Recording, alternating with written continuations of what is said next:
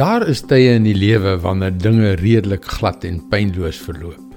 Maar dan is daar ander tye wanneer alles om ons in duie stort en op daardie stadium wil ons desperaat hê dat God moet inspring om ons uit die penarie te red. Hallo, ek is Jockey Gouchee vir Bernie Diamond en welkom weer by Vars.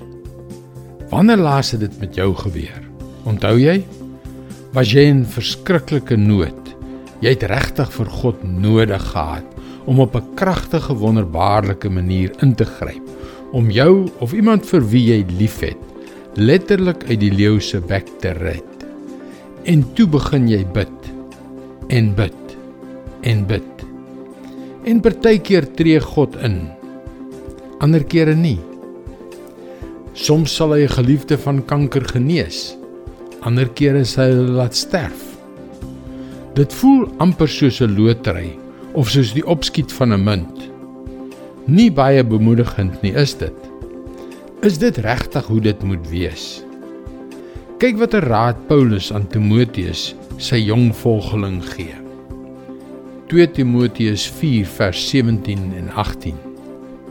Maar die Here het my bygestaan en my krag gegee sodat deur my die prediking tot sy volle reg kon kom en al die heidene nasies dit kon hoor. En ek is uit die bek van die leeu gered. Die Here sal my red van elke onheil en my behoue in sy hemelse koninkryk bring. Aan hom kom die eer toe tot in alle ewigheid. Amen.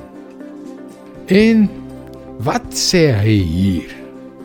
Ja, God het keer op keer ingespring om vir Paulus te red. Hoekom?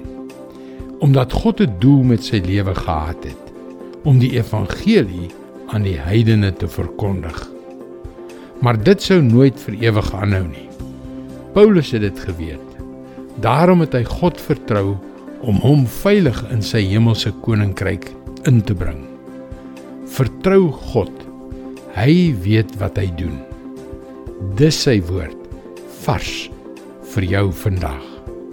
Hoe nader ons gedurende daardie moeilike tye aan God kom, hoe makliker word dit om hom te vertrou. Wanneer jy voel asof jy onderskraging nodig het, kan jy jou gebedsversoeke na ons gebedsspan by powerfulprayer.org stuur.